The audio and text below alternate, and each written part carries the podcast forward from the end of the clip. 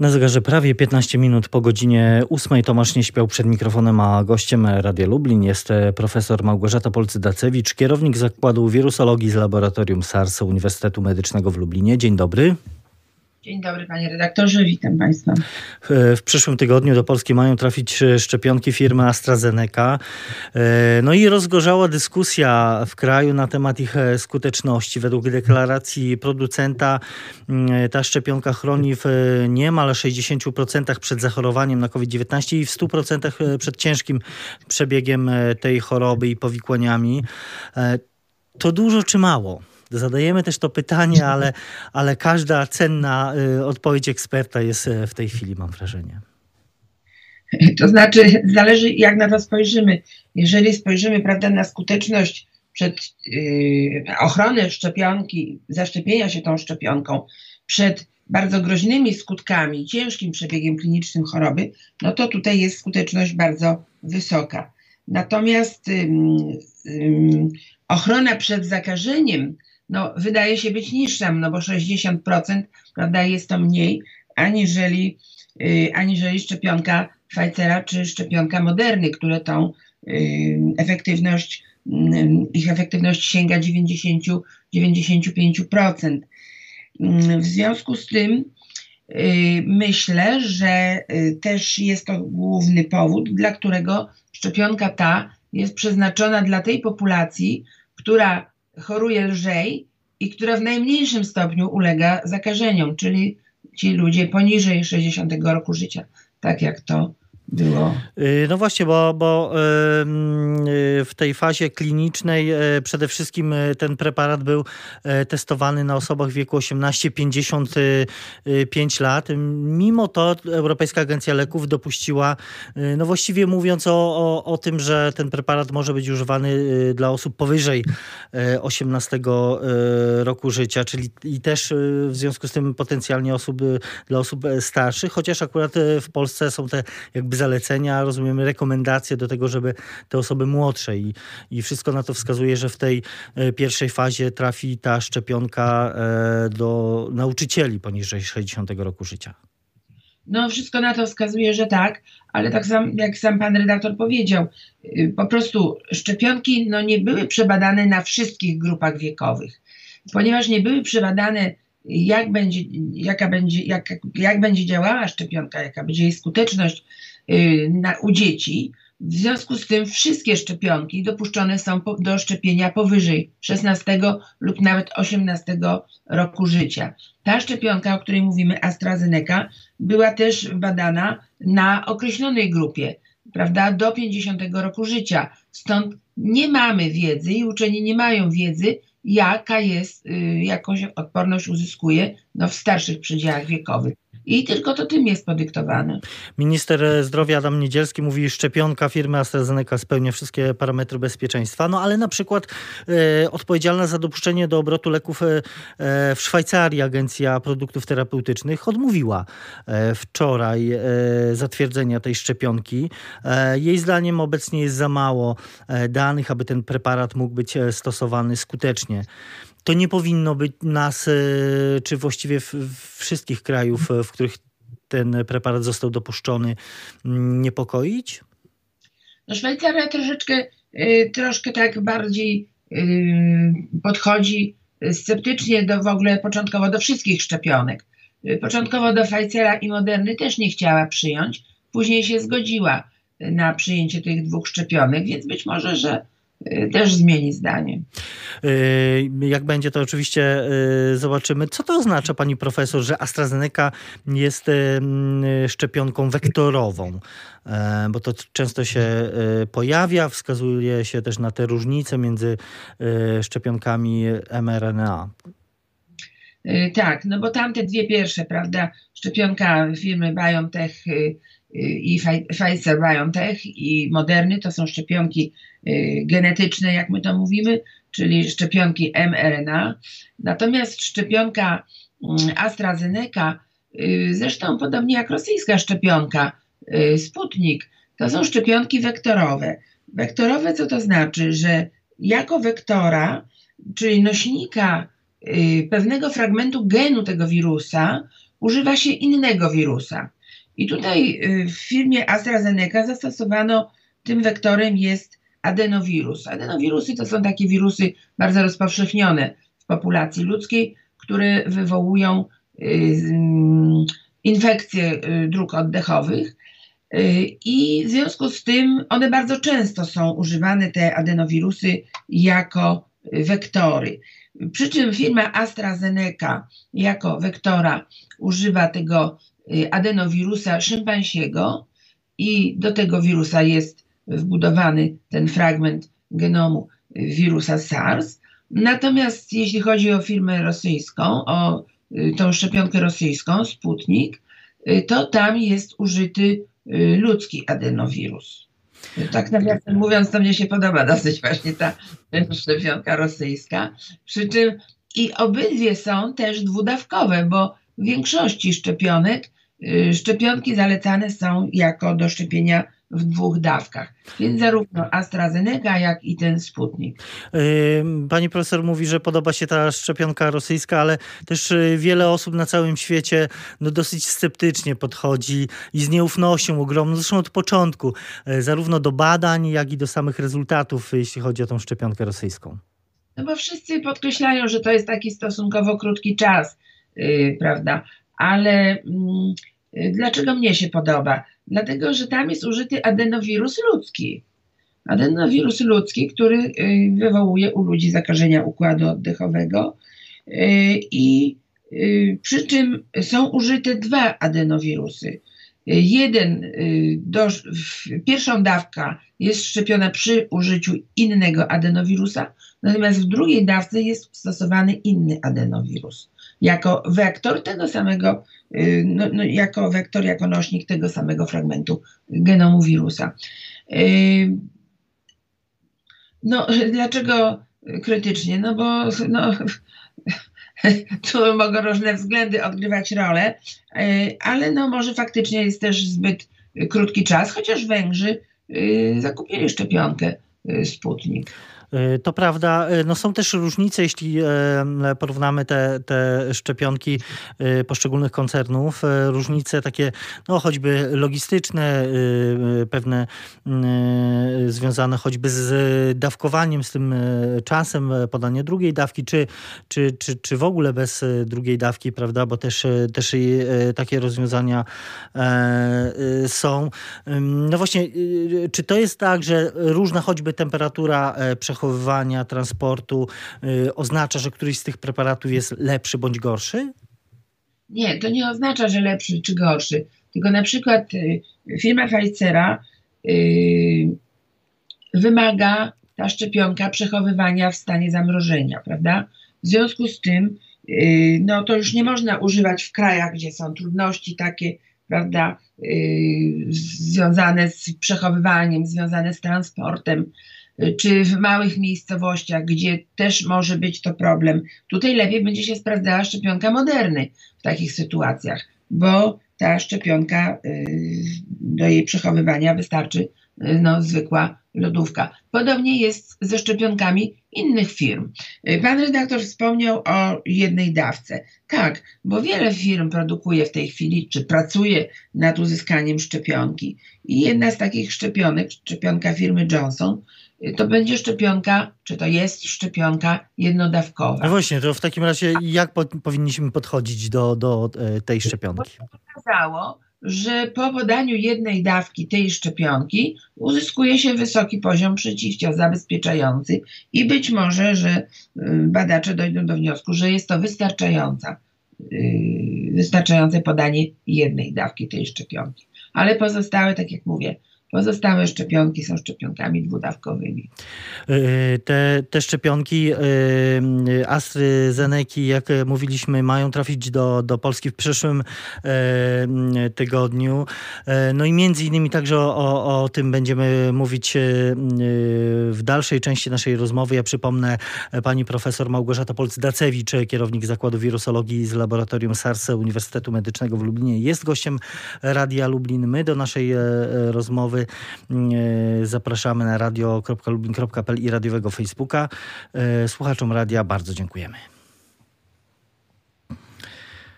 Pani profesor Małgorzata Polc-Dacewicz jest e, z nami. E, rozmawiamy o szczepionkach, bo, bo jest to dzisiaj temat numer jeden, e, jeśli chodzi o walkę z pandemią koronawirusa.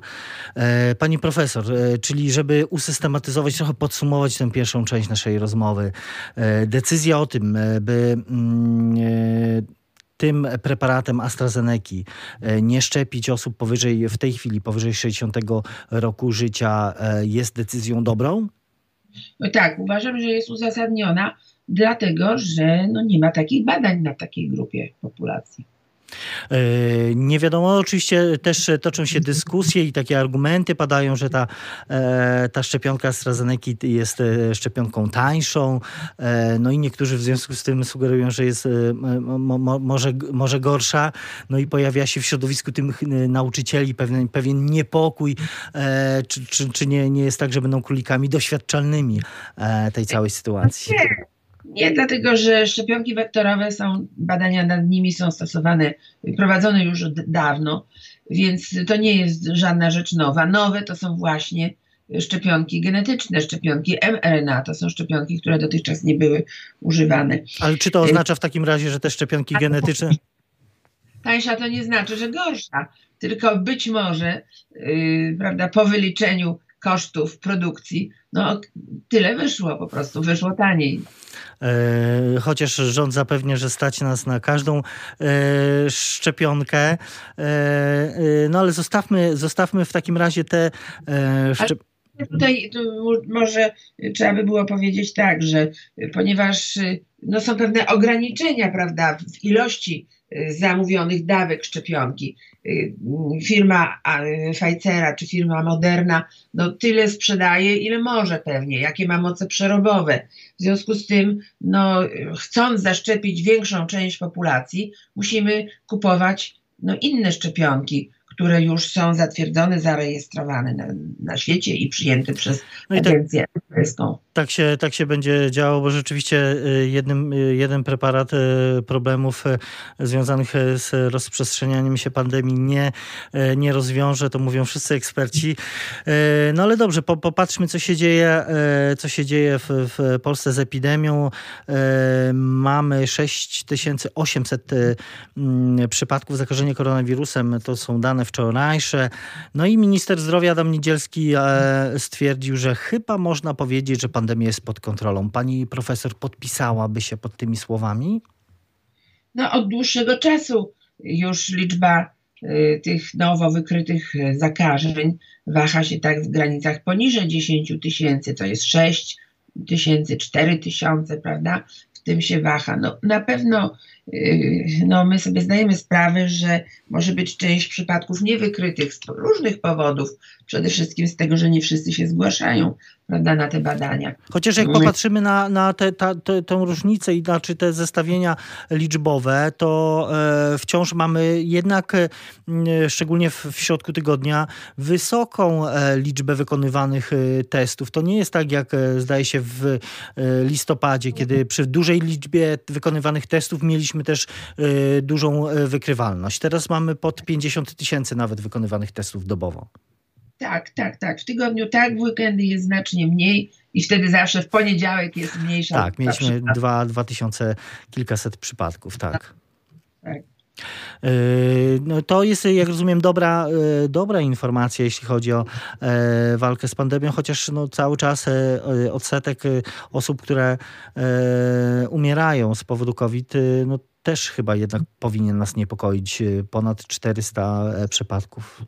Tak, ale to już jest, myślę, że na to wpływa, to już było wielokrotnie mówione i tutaj pan profesor Tomasiewicz, kiedy mieliśmy taką y, audycję z panem y, dyrektorem telewizji Montusiewiczem, prawda, y, w poniedziałek ostatni i jeszcze dwa tygodnie temu, to już podkreślaliśmy, że ludzie za późno zgłaszają się do lekarza i Y, to za późno, bo po, po, prostu próbują się leczyć sami. Nie chcą się zgłosić, bo będzie zaraz kwarantanna, bo będzie izolacja, bo będą musieli zostać w domu.